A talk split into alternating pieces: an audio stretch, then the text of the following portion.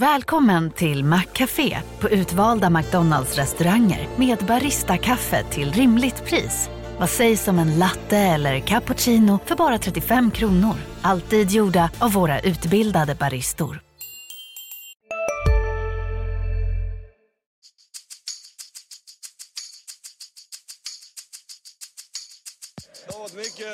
Mycket, snack om det här inhoppet. Det är svårt att förbereda sig. Va? Så att, eh, det är mycket känslor som spelar över.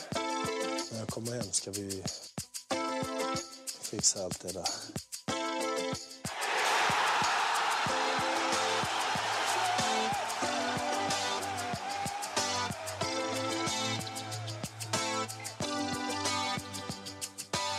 Välkomna tillbaka till MFF-podden. Det här är avsnitt 96. Jag heter Fredrik Hedenskog och jag har sällskap av Max Wiman och Fredrik Lindstrand. Tjaba. Hej. Hur står det till med uh, gentlemens, som vi säger? det säger vi inte, men nu sa jag det. Det, det står väl till bra. Ja, skapligt. Ja. Ska vi, Ja, mer, mer ska man inte kräva. Nej, Nej. Eftersom vi nu är en MFF-podd så får vi väl börja dagen med att säga grattis. Det är Francesco Totti. Nej. 40, nej. Eh, kaptenen i Malmö FF fyller i år. Han fyller 34 år idag. Så att, eh, grattis Markus Rosenberg på födelsedagen. Mm. Och ett annat jubileum, det är faktiskt 30 år sedan idag. Cliff Burton, basisten i Metallica, dog också. Så det är en speciell det. dag av många skäl. Då kan jag också, på MFF-spåret så var det också ett, eh, en, eh, 30 år sedan MFF säkrade något guld tror jag faktiskt. Något, jag gissar att det var guldet 86. Kan det vara det? Så kan det vara 30 år sedan. borde vara det. Du var snabb i räkningen där. Men vadå, guldet? Ja, jag tyckte jag såg det på Twitter att det var 30 Det måste ha varit seriesegern. Ja, det måste det ha det var varit ju fall. SM-final ju. Det var SM-final det. Just det kan ju inte ha varit... Kan ha eh, varit så. Ja, vi ska inte Med fördjupa risk, Nej. med risk för att bli rejält hängd. Tog, tog de guldet 86, var det inte 85, 85, 86, 88. 86 88? Ja, bra. 86 var det ju, eh, det var ju den här 5-2 finalen mot, eller 5-0 förlåt, mot AIK. Sen var det 7-2 mot Djurgården Just det. 88. Härligt. 85 vann ju Örgryte SM-guld Just det. med eh, Glenn Martindal och Sören Börjesson. Och Börjesson det går gänget. Ja, Det nu var kom vi, ja, vi var lite sidospår. Um, hörni, det är ju så att eh, Malmö FF eh, har återtagit den allsvenska serieledningen. kan vi vara överens om? att Vi kan det- vara överens om. De var väldigt vi noga med det? att man inte skulle säga det innan Norrköping hade spelat nu. Det, det är nästan så att det är höstens trend där, när får man säga att ett lag leder och inte. Det blir så oproportionerligt mycket snack om det. Men det är ju också så att Malmö FF, om vi jämför med eh, hur det såg ut för eh, drygt en månad sedan, eh, nu, eller slutförde matchen mot HF med sex spelare saknade från den eh, startelvan, eller två i varje lagdel egentligen. Eh, båda anfallarna var ju borta, Rosenberg skadad eh, och Kjartansson såld. På mittfältet eh, var ju både Ekrem och Christiansen skadade och eh, båda ordinarie mittbackarna skadade också. Ehm, och eh, i, i ljuset av det så får man väl ändå säga att eh, poängskörden här eh, efter Djurgårdsmatchen i alla fall, eh, det vill säga Elfsborg och HF. Det var svårt att kräva så mycket mer, tycker jag. Ja, det har varit svårt att kräva mer även om det har varit fullt manskap. faktiskt. Men eh, nej, det är ju grymt imponerande. Lite, verkligen så knyta näven i fickan eh, känsla liksom. Som man kanske har saknat lite när det har gått emot tidigare. Det här målet i 90 minuten då mot Elfsborg tror jag kan visa sig vara en verklig nyckel den här säsongen faktiskt. Mm.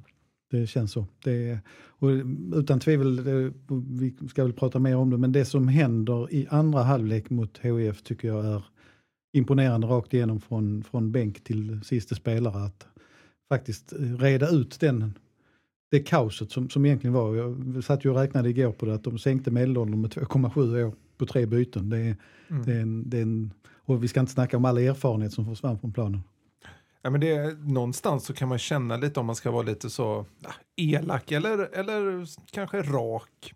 Beror på lite hur man ser det. Men det är ju lite som att Allan Korn i andra halvlek lite går med sopen bakom Daniel Andersson. Eh, för att lagbygget är ju lite så svajigt nu. Och Allan Korn har ju verkligen ja, jonglerat de här, de här bollarna på, på ett, ett skickligt Är, sätt. är truppen inte tillräckligt bred? Är, är det så? Den är, väl, den är skev. Lite då. obalanserad. ja.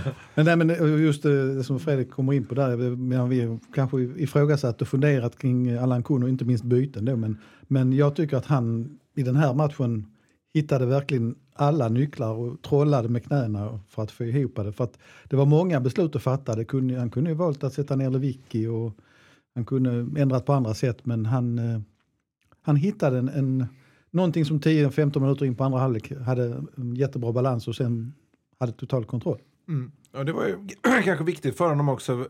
Matchen innan så tycker jag han hade spelat alldeles för högt eh, genom att inte ta ut Frans Brorsson. Satte sig ju faktiskt i en situation också med byten då där han fick avsluta med tio man. Eh, vilket ju hade kunnat undvikas. Nu blev ju det ett lyckobyte för att Rakip kom in då, men egentligen det mer naturliga bytet hade kanske varit att flytta ner Oskar Lewicki som mittback och tagit ut Berang Safari. Eh, om, om den matchen spelas om hundra gånger så är det ett bättre byte för att de flesta gångerna så är, är det bättre att ha elva man på plan. Och just därför, för var det väl, just därför var det väl bra för att få en match där han visade rätt fingertoppskänsla. För att Mm. Det var nog vi, många av oss på läktaren som satt och kliade oss där och tänkte hur kunde det bli så här mot Elfsborg? Att man eh, försätter sig i sitsen att ha en halvskadad spelare kvar. Mm. Som sen blir helskadad. Ja, man, alltså vad gäller Safari så får man ju nästan, man kan inte räkna med att han, att han håller i 90 minuter. Nej, Alltså, men att det uppträder ju kramp. Han tyckte han haltade ju även mot HF. ja. Och alternativt att han måste kanske spela som han gjorde mot eh, eh, HF nu senast, alltså att han faktiskt mot slutet sparar på krafterna. Nu fanns det ju andra skäl också, men han gav sig inte upp på hörnor utan han, redan i tidigare skede där i andra halvlek så, så gick eh, den andra mittbacken upp men han stannade kvar. Jag tycker att Per Herbertsson var ganska härligt klarsynt i din efter matchen-intervju där att han sa att ja, du såg ju på Berang, han sp- han sprang inte mycket i andra.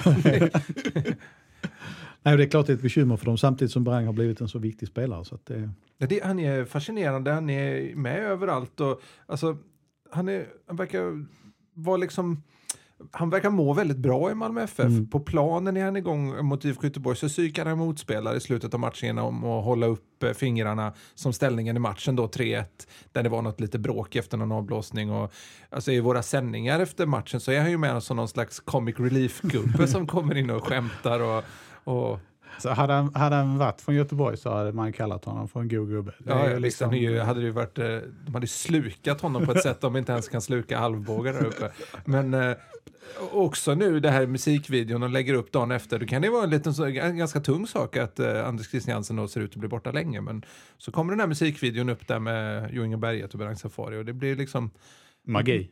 Ja, men man vänder ju en, ganska, en situation som folk kan gå runt och tänka på och tycka är jobbigt till något kul. Det, det är liksom, man, man, ska inte, man ska ju inte dra för stora växlar av en sån sak. Det är ju trots allt bara ett, ett 30 sekunders klipp på Instagram, men det säger någonting också tycker jag. Jag tycker vi ska dra jättestora växlar. Ja, man, kan ju säga, man kan ju säga att det är ett tecken på att både Berang, Safari och förmodligen truppen mår ganska bra just nu. Att man, det är ju rätt sällan MFF gör den typen av grejer faktiskt. Och överhuvudtaget att, att eh, Safari också ja, bjuder på sig själv och vågar skoja. Och det, ja, det, det, det sprids harmoni tycker jag runt truppen just nu. Mm.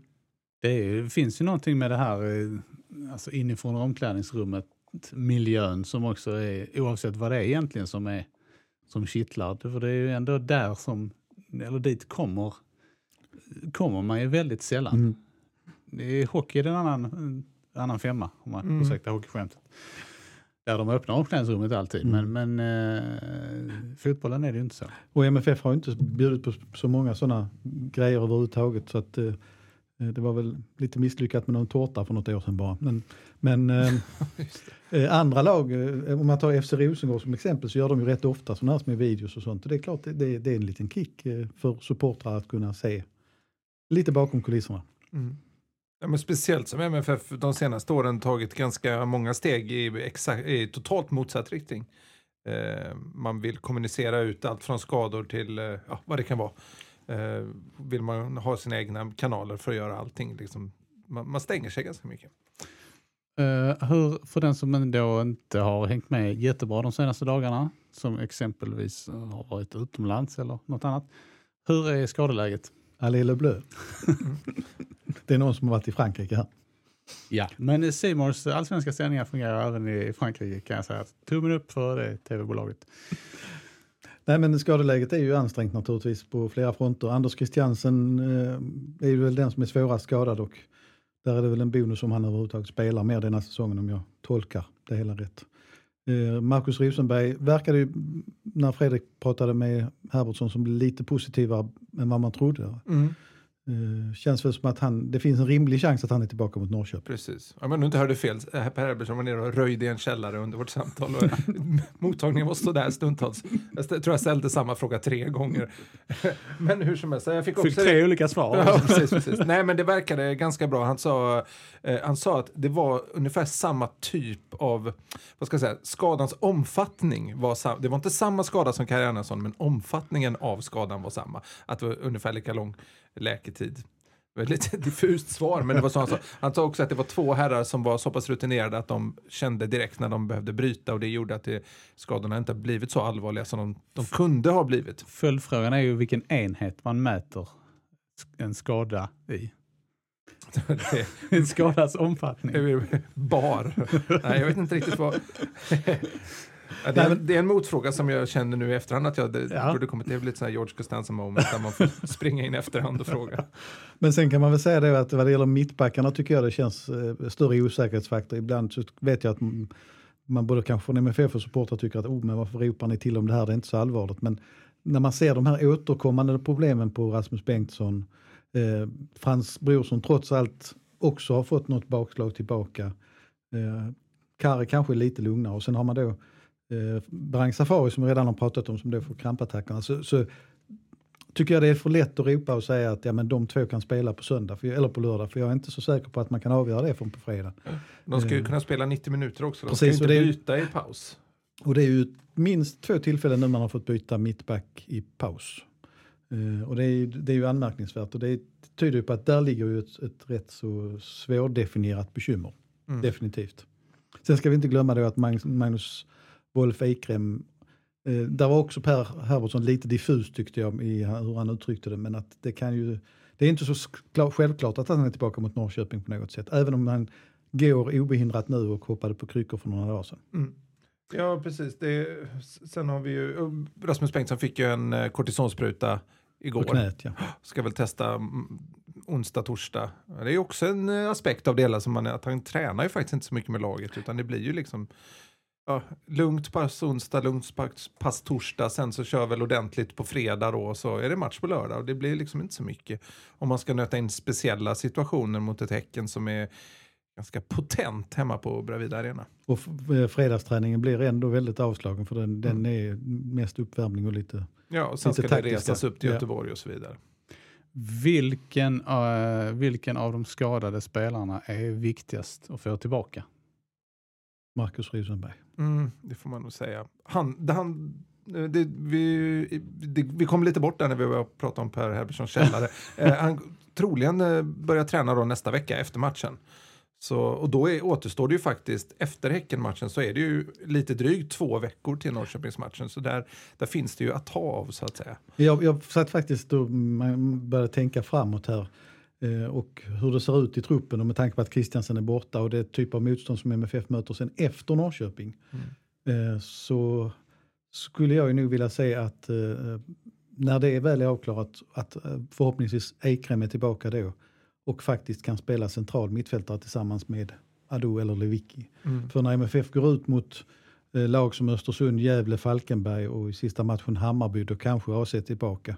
Men, men i de här andra matcherna så vill jag inte se att eh, inom mittfältet består av två defensiva spelare utan då tycker jag att man ska kunna ha den kraften framåt på Mm. mittfältet och att man ska ha råd att ha eh, Eikrem är liksom den som, som bäst svarar mot det och nu har man ju alternativ på kanterna. Nu har man, eh, om Rosenberg är tillbaka så har man Berget och man har ju Thun som ett fullvärdigt alternativ om man har en ung Mattias Svanberg som är hungrig och en arg Tobias Sana. Mm. Jag hade liksom, det, det tyckte jag, just, just det bytet hade jag gärna sett eh, mot Elfsborg. Det löste det sig ändå, men det kunde ju mycket väl inte ha gjort det.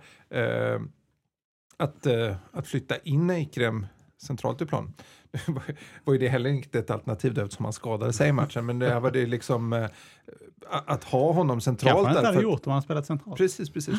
Nej, men det hände så väldigt, väldigt lite centralt för MFF i första framför allt då i första halvlek mot Elfsborg. Och just på grund av att eh, Lewicki och Adu, de har ju dessutom inte spelat tillsammans på ganska länge också, så de hade lite svårt och visste inte vem som skulle göra vad. Så att det blev lite att ingen gjorde något. Och eh, ja, där hade det kunnat vara helt rätt att flytta in Eikrem och så byta någon av innermittfältarna då och sätta in ja, någon av herrarna, Rakip, Svanberg, Jotun. Sen finns det ju då plötsligt alternativ nu. Nu kommer ju Berget att få spela anfallare mot Häcken och kanske mot Norrköping, det vet vi ju inte. Mm. Men eh, jag måste lyfta fram att även om han inte är klar i positionen så, så känns ju Yoshima Yotun som ett väldigt spännande alternativ som yttermittfältare. Det, det är ganska lilla som man har sett av honom som, eh, som yttermittfältare känns ju ändå, det känns ju som att han är mer, eh, kommer mer till sin rätt där. Han slipper ju sp- spela försvarsspel. Det var som Allan, Allan Kuhn faktiskt sa, så där lite gallhumoristiskt, att här- jag gör mindre när han gör misstag där uppe än längre bak. Nej men han hade ju, tyckte jag, flera, flera intentioner innan Rosenberg blev skadad. Där han är nära att nå honom med löpbollar. De är lite för hårt slagna men det, det finns ju en otrolig spelintelligens i honom egentligen. Det sköna är dock för MFF gör ju det, var ju det resultatet igår där mellan Norrköping och Djurgården. Det gör ju faktiskt att ett poängtapp uppe på Bredvid Arena inte, inte är kaos alls. Nej. Eh, det, det kan ju göra saker mer tillspetsade inför Norrköping borta då, men det är ju ändå som sagt, det hade ju varit värre att, ligga, att ta två poäng upp till Norrköping och upp till Bredvid Arena och förlora den matchen och sen kunna se Norrköping dra ifrån till fem poäng och, och gå in i en bortamatch mot Norrköping i fem poängs underläge och, och förlorar man den då, då är det ju verkligen kört. Eller, eller kryss. Om man inte är AIK, kört. för då är det aldrig kört verkar det som. Nej, precis. Det beror lite, beror lite på vilken tidning som rapporterar om AIK i och för sig. Men det, Nej, men man, man ska inte spekulera för långt framåt, men nu är det ju plötsligt så att eh, med tanke på skadeläget trots allt, så att om MFF skulle klara oavgjort mot Häcken kan de ha råd att spela oavgjort förmodligen i Norrköping också. Mm. Eh, för jag tycker man måste vara så tuff. Vinner de inte de fyra sista matcherna så ska de inte bli svenska mästare. Ja, det är lite åt det hållet i alla fall. Eh, sen, har ju, sen är det ju långt ifrån säkert att Norrköping slår AIK borta. Eh, verkligen. De har, eh, jag såg nu att han, Fjölusson eh, missar resten av säsongen. De hade väl hoppats på att han skulle vara tillbaka. Inte till AIK i och för sig, men under resten. Sen har de Falk Olander och, och Daniel Sjölund är avstängda i den matchen. Det är ganska tunga tapp för dem. Framförallt Sjölund. Då. Det ska bli intressant att se hur Norrköping reagerar på det som hände nu. För att jag, eh, man hade ju känslan av att de var oövervinnerliga och att, att det på något sätt var att de, de, de, de behövde inte tänka, de bara lirade på. Men nu, nu kom de till ett sånt här stopp som var lite oväntat och nu ska man studsa tillbaka och det, är inte, det kan, kan bli Men det tuffare. har, vi, ju- har man ju sett idag att det var inte deras fel. ja, just det var ju domarens det fel. domarens fel. Så var det ja. Mm.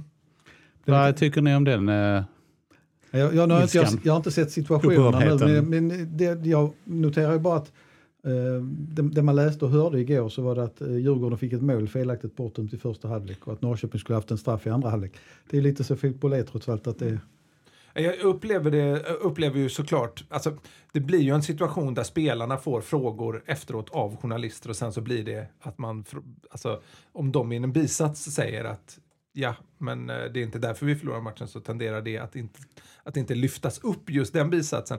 Så att, jag, jag tycker Jens Gustafsson var ganska kl- klarsynt i, i intervjun efteråt som sa att ja, han fick se situationerna då men sa att det är inte därför vi förlorar den här matchen utan det är för att vi släpper in tre mål. Eh, och det är ju, det går inte att komma ifrån. Så. Sen kan man ju då tycka att eh, det kanske inte är så smart av förbundet att sätta domare från Malmö. Nej, men det finns ju Mm. väldigt mycket i den här tillsättningarna som man kan undra över. Eh, Ja, just Men det är inte första gången. här. Alltså det, här, Nej, alltså- det här är ju inget som är det, var ju, nytt. det var ju så här att, eh, för då var du inte hemma, fjärdedomaren i matchen MFF HIF kom från Helsingborg. Eh, och fjärdedomaren har ingen central roll egentligen, men det blir, alltså jag kan ju möjligtvis köpa om fjärdedomaren är från Helsingborg när det är match i Helsingborg, men att ta, ta med en på resan ner till Malmö, eh, det, det, är- det är bara att skapa problem. Hade den domaren fått hoppa in, vilket faktiskt har hänt, jag tror just han har fått hoppa in en gång i Malmö. Ja. Eh, Men det var, det var eh, jag har för mig att det var Det var ju inte mot HIF Det var naturligtvis. Elfsborg förra året som Ja. han, Kristoffer eller Christian Karlsson? Kristoffer Karlsson Kristoffer Karlsson heter han väl. Eh, Christian Karlsson ska väl kanske inte döma MFF. eh, som, eh, där det var väl, han missade straffar, eller gav Elfsborg Ja. straff. Det var väl... Nej, men det, det, alltså, det, såna här, fotbollen borde ju vara så stor så att man inte börjar rä- räkna på resepengar och Mm. plocka domar på det sättet. Och jag tycker i förlängningen kan man dra det ännu längre. Eh, så fortfarande när, när det var cupfinal i Malmö så dömde inte Sveriges bästa domare. Mm. Eh, och det borde väl också vara en självklarhet att eh, Mm. en, en avgörande match döms av den bästa. Men just det, alltså jag, nu är inga spelare från Norrköping som varit upprörda över att domaren är från Malmö. De är nog, tenderar nog till, till att vara ganska vana vid sånt. Men det är, bland supportrar, alltså hade, hade Norrköping vunnit den här matchen så skiter de i var domaren kommer ifrån. Men när de förlorar och det är ena kontroversiella domslut så blir det ju givetvis snack i supporterleden om, om en sån sak. Precis som att det var snack här nere om att det var en domare från Helsingborg som hade dömt bort Malmö förra året. Det, det, blir, det blir ju det snacket. Eh, och det, det, det kan ju undvikas genom att inte... Nej, det finns ju ingen anledning att sätta sig. Det, jag menar fotbollen är ju så rik sport så att Mm. det är bara löjligt att sätta sig i situationer. Ja, och de, de pratade med Peter Fröjdfält som är, han är elit, Eh, han coachar elitdomarna, han är väl ansvarig för det och lägger spelschemat. Han säger det att när det drar ihop sig, då kollar de mer på geografiska aspekter. Har du också valt att bli egen?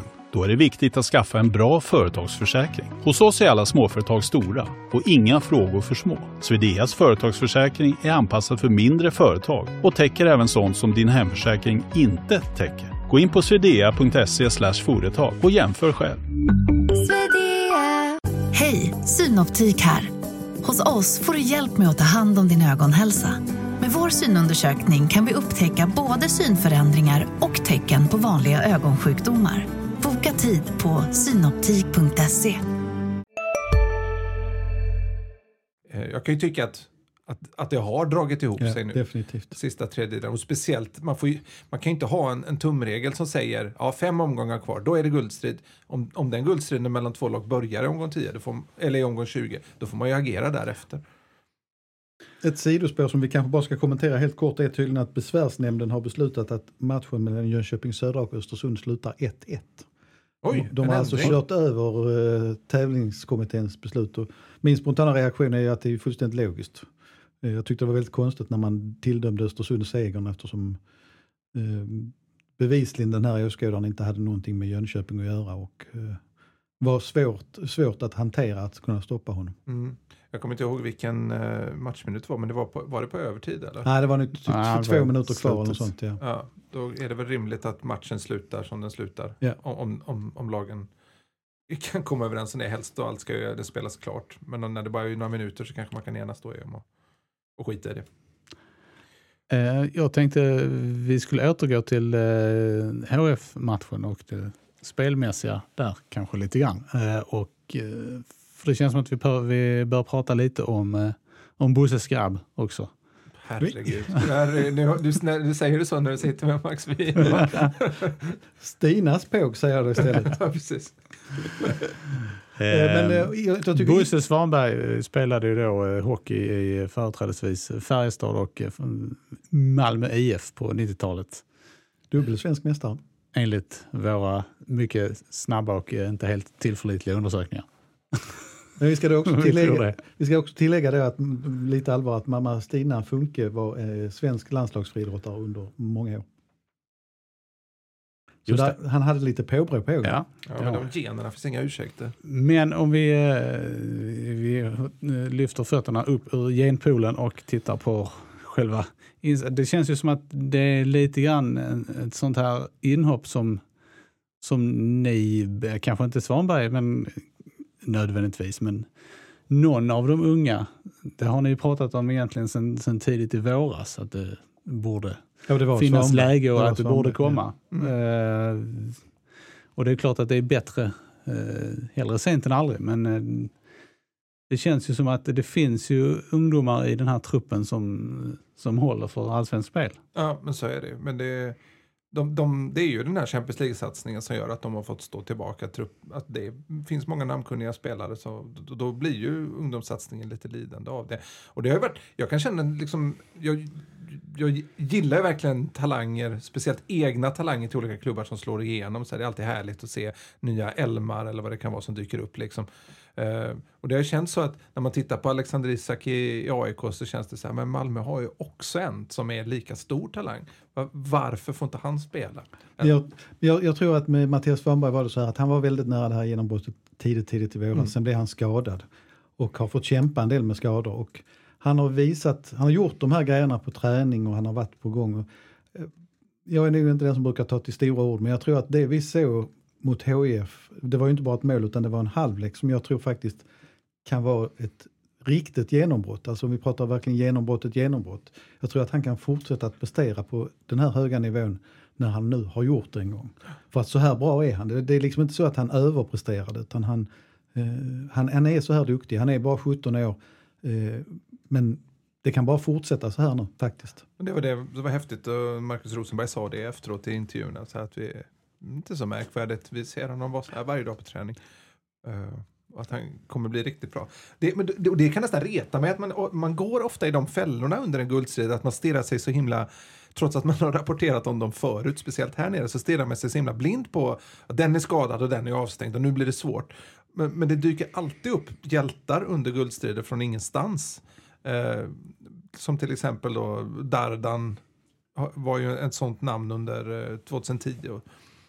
Det finns fler exempel. Eh, och nu kanske Svanberg är den höstens man. Man vet ju inte. Nej, och som sagt, jag tror att eh, det, det, kan hända väldigt mycket. Alltså det var så mycket snack, det var så mycket känslor redan väldigt tidigt, både från oss som stod bredvid men också inifrån laget och ledningen tidigt, tidigt i våras att här, det här är någonting som, som kommer att bli något alldeles extra. Och han, han har ju en fart då från mamma antagligen och en bollbehandling från pappa som eh, och han har väldigt bra spelsinne och han, är, han verkar orädd dessutom. Ganska stor. Ganska också. stor också ja. Också väldigt eh, kul att se en spelare som liksom går in och ger och tar i närkamperna utan att mm. Utan att liksom Han hade någon situation där med, Lang, med Langgren, när han fått en tackling och Langgren ligger ner, han som puttar ner honom. Det är sånt man vill se, liksom, lite så kaxighet också. Och, och han fick en smäll av Langgren innan också, och då tog han den. Mm. Och, men det som framförallt imponerade på mig är ju eh, när han får bollen av Jotun, att han tar med bollen i steget och liksom skjuter på ett för att om man, om man tittar eh, om man tar bort målvakten och bara tittar på var bollen sitter i målet så är det ganska mitt i. Men han skjuter i steget på ett sätt som målvakten inte hinner äh, agera på. Och Det kan ju nästan se ut som att målvakten, varför, varför slänger han sig så sent? Men det, det kommer ju helt fel läge för målvakten. Det är ganska svårt att skjuta så. Det, det tyder på en... Alltså det, det går inte liksom att träna sig till det riktigt utan det är någon slags sjätte sinne som gör att man bara vet när man ska avsluta. Hans, det, första, hans första hyfsade läge, då sökte han ju lobba på, på volley. Mm. Det blev, träffade han inte riktigt, men det hade ju också kunnat vara något. Men sen är det, det, ibland känner man att saker är på gång. Det, det är någon vecka sedan, jag kommer inte ihåg vem de mötte, men MFF U21 spelade ute på Hylje. Och jag stod och pratade med Olof Persson efteråt och han var liksom lyrisk över vad han hade fått se av Svanberg eh, i den matchen. Det, om jag minns rätt så var det ganska få A-lagsspelare som var med i den. Men det var liksom redan där att han tog för sig, han spelade inom mitt fält han tog för sig jättemycket. Han just satte till i närkamperna eh, och ja, kanske är, vi ska inte sätta för stor press på honom. Det är inte så att han levererar i varje omgång här framöver. Men när man är 17 år gör man inte det. Men han, han kan ha tagit ett väldigt avgörande steg i sin karriär. Spänn fast säkerhetsbältet och luta er tillbaka för nu, nu, kommer, kan... nu kommer nästan Zlatan Ibrahimovic. Nej, vi ska, nej, nämn inte honom bara. Låt, låt honom vara Mattias Svanberg. Men det ska bli jäkligt häftigt att följa den karriären. Det är ju ett sånt privilegium. Det är bland det roligaste med det här jobbet tycker jag. Att se, se liksom, talanger slå igenom och liksom, ta fart uppåt. Det, det är speciellt när det är sådana som No Pressure. det är verkligen lite extra. Nej, och nu är det säkert så att redan på, på lördag så kanske förmodligen börjar han på bänken mot, men han kommer ju definitivt att vara inhoppare och få spela. Mm. Men uh, det ska bli väldigt spännande att se. Hur, hur kommer MFF att spela mot Häcken, tror ni? Eh, bra. Det undrar ju även kommunalrådet. Hur ställer MFF upp? Just det. uh, ja, det, bolla över till Max. Så kan jag fundera lite. jag, tror att, jag tror att Wieland står i mål. Ja, Wieland står i mål och ytterbackarna är klara. Ja. Eh, jag tror att Frans Brorsson spelar. Eh, Men det innebär, när jag säger att ytterbackarna är klara så är det inte helt självklart. Vi får se statusen på Rasmus Bengtsson och Kari Arnason. Men Ja. någonstans förmodar vi väl att en av dem spelar. Sen tror jag att, att Oskar Lewicki och eh, en av Kofi spelar centralt. Därför att man vill säkra, man vet att det är ett snabbt, eh, kvickt Häcken och man vill inte Mm. vara för offensiv. Eh, Joshi kommer att få fortsätta på en kant men att Erdal Rakip får starta på andra kanten. Och så Berget. Och Berget och Jeremejeff där uppe. Och då är, då är det så, så, tycker jag, då känns som att mittbacksläget är det som är frågetecknet. Och eh, att ha med sig inför den matchen är ju, jag har en lista här, vi får se om ni kan göra den gemensamma kopplingen. Om jag säger Rasmus Bengtsson, Anton Tinnerholm, Jo Inge Berget, Frans Brorsson, Erdal Rakip och Marcus Rosenberg. Nu är han den sistnämnda inte så superaktuell då i och med att han inte kommer vara med. Det finns en gemensam nämnare där. De är alla en varning från avstängning mot. Norrköping. Bara en sån sak. Jag tänkte faktiskt, på det, alltså, det, det är väldigt osportsligt av mig att tänka så, men jag var nästan förvånad att inte Mackan Rosenberg hann med att ta en varning där när han kom in på planen. Ja, igen. jag tänkte skulle också, vad, vad kunde han ha gjort? Kunde han ha slitit av sig tröjan? Hur skulle han snabbast ha en? Nej, men den som, eh, den som lyckades med en sån varning var väl Yoshima Yotun i fjol när han Ja, eh, lyckades ta fem minuter på sig att gå av planen när han skulle bli utbytt. ja, men han var ju inte skadad, så då är det svår, en skadad det är svårt att... Ja, och jaga på. på. Ja. Nej, men det är sant. Han kanske, men jag tror att utrustning kunde man ta. Jag vet inte om man kunde liksom gjort något sånt brott. Ja, nej. Vi ska Ja, säga att alla, på- alla de här på- spelarna var i varningszonen redan vid denna matchen faktiskt, så de klarade sig. Ja, just det. Erdal när Rakip, man om spelar Erdal Rakip kan jag tänka mig blir ganska besviken om man nu får spela och dra på sig ett gult kort här. Då kanske han ångrar den här tröjryckningen efter att ha avgjort det mot Elfsborg. Men, Ja, men eh, det går inte att bärga sig. Men det, de- det är ett rätt typiskt också, nu ser man Norrköping har två avstängningar mot AIK. Det är, nu kommer ju Det mycket blir av väldigt mycket sånt i slutet Ja, av. Det, Det är inte, det är på lägre nivå så är det ju ofta så också att eh, spelare åker iväg lite då och då och försöker liksom planera sina avstängningar för matcher de, är- som de ändå ska missa. Jag hade en lagkamrat en gång som, som eh, skulle vara borta nästa match och stod på två varningar. Han var, spelade anfallare.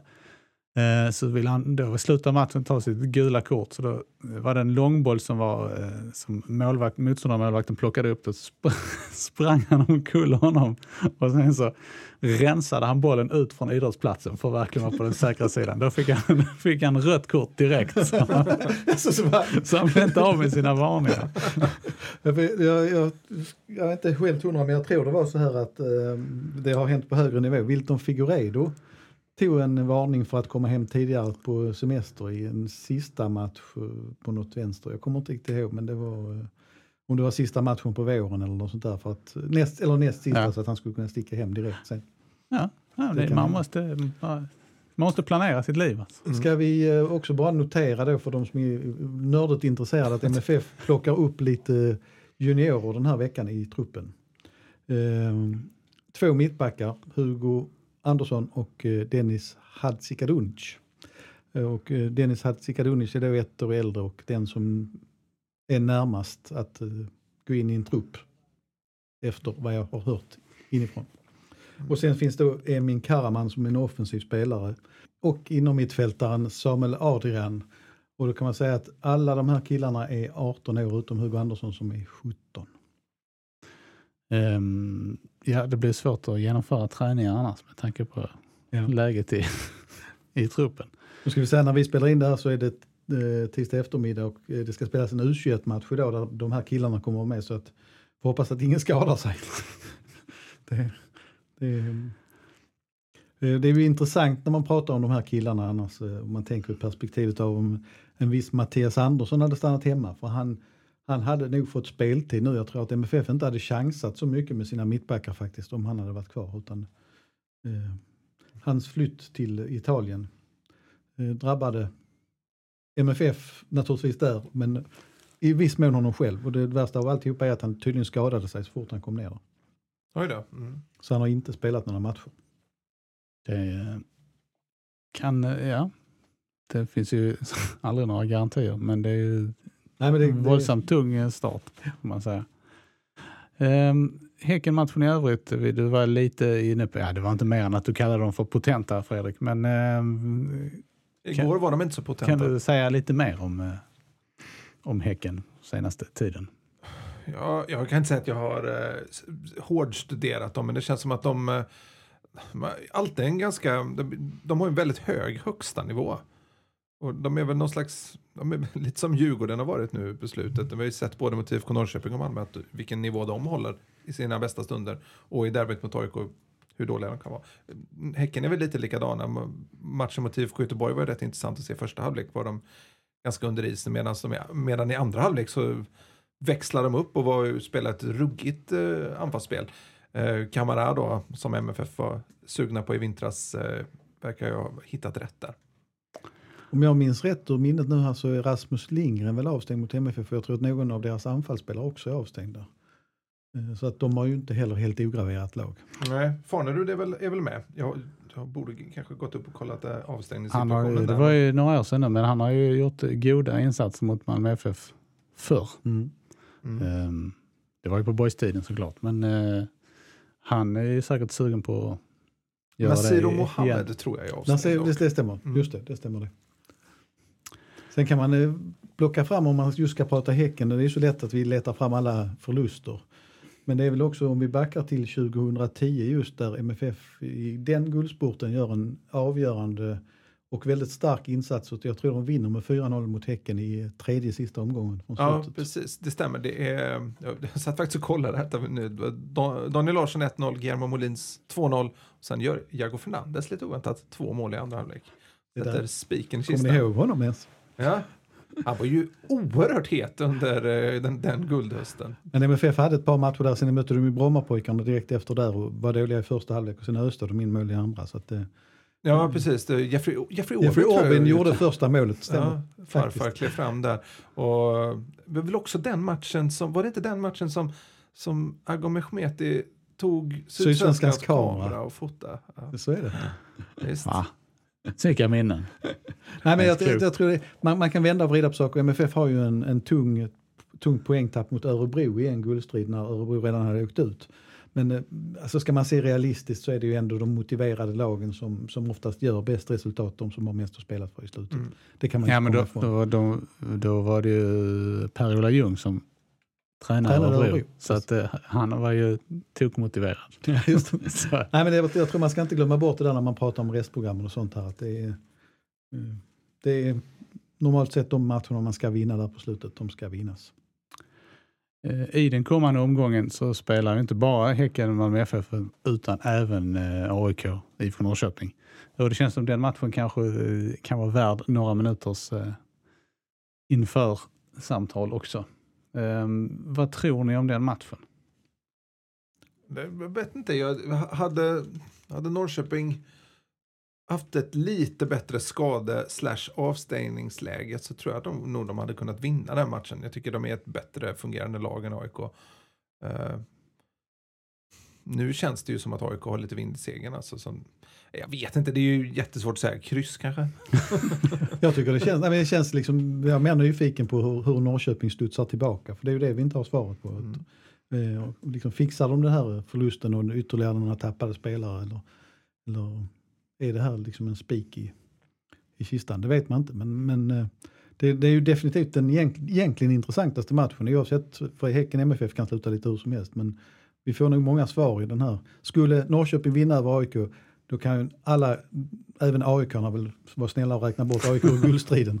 Eh, skulle AIK slå Norrköping och Malmö tappar poäng, ja då förändras ju styrkeförhållandet. Eller, man kan ju till och med säga så här att slår AIK Norrköping, så, så lite som Markus Rosenberg sa till oss i veckan här, att då kanske det är MFF och AIK som gör upp om det i slutet. Mm. Nej, det är inte omöjligt. Uh, fast samtidigt tror jag inte att det händer. Nej, jag, jag tror verkligen inte det. Jag tror, jag tror inte AIK är, är där än. De, jag tycker fortfarande att de saknar en anfallare som ska göra mål för att de ska kunna vara med där. Ja, det känns fortfarande lite som att det inte riktigt... Det är lite svårt att se spelidén på något sätt. Mm, de, de, ja, det känns också som att de har plockat för mycket poäng under året. De ska inte ha tagit så många poäng. Och det kommer visa sig i slutändan. Det brukar ofta göra det. Du får hela Black Army utanför dörren. Precis. Jag är inte populär någonstans. Nu. Nej, men det är säkert är, de tycker kanske heller inte att det varit tillräckligt bra. Nej, precis. Jag Så att kanske är det- med i Black Army. Firman. Ljungskile-falangen. Precis. Där är vi starka. Vi har ju, vi har ju Kenny Pavey-kopplingen. ja, det är ju skönt. Hur Det är går det för Ljungskile förresten? Jo, vann mot Gais 3-0. Det är, det är så himla skönt att spela i samma serie som Gais. Det är alltid, alltid sex poäng per säsong. Man kan väl bara säga, apropå det här med allsvenskan och det som är så kittlande nu så kommer det något sånt där jäkla landslagsuppehåll och förstör det i två veckor igen. Det är lite synd. Jag tror kanske inte att Malmö FF Nej, jag, klagar. tror, jag tror de är rätt glada för det faktiskt. Jag tror, till och, med, vi- jag tror till och med supportrarna köper ett landslagsuppehåll den här Ja, gången. då får vi faktiskt. njuta av blå, blågula fotbollsfester mot Luxemburg och något lag från öst. Bulgarien. Mm, just det. Ja, det, är, det, känns som, eh, det känns som gamla kvaltider. Precis. Och där kan vi väl också notera att eh, Oskar Lewicki har tappat sin plats. Det var väl ingen större skräll. Nej. Men kanske borde han varit med efter sin femma i Sydsvenskan.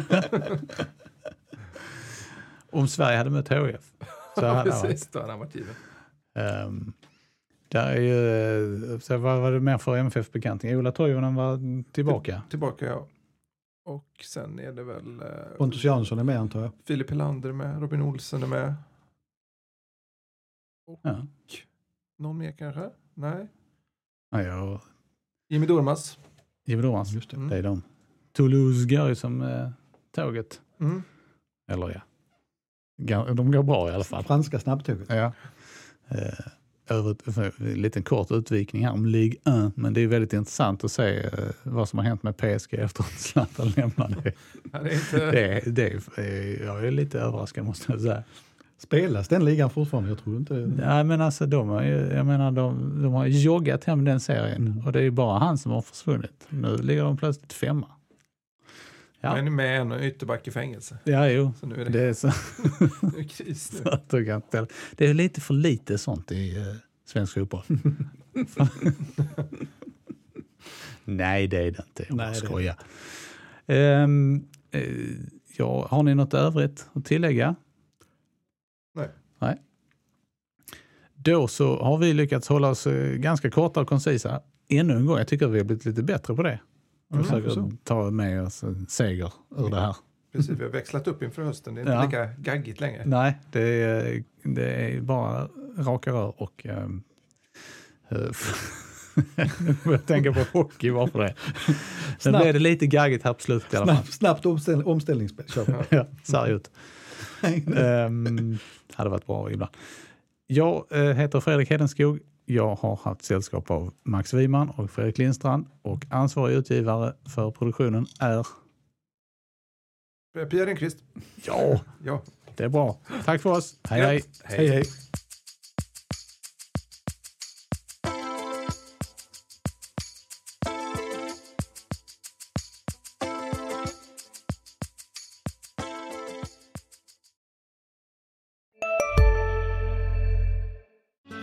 Susanne Axel här. När du gör som jag och listar dig på en av Krys vårdcentraler får du en fast läkarkontakt som kan din sjukdomshistoria.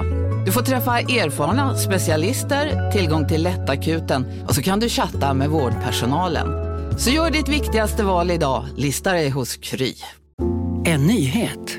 Nu kan du teckna livförsäkring hos Trygg-Hansa. Den ger dina nära ersättning som kan användas på det sätt som hjälper bäst. En försäkring för dig och till de som älskar dig. Läs mer och teckna på trygghansa.se. Trygg Hansa. Trygghet för livet.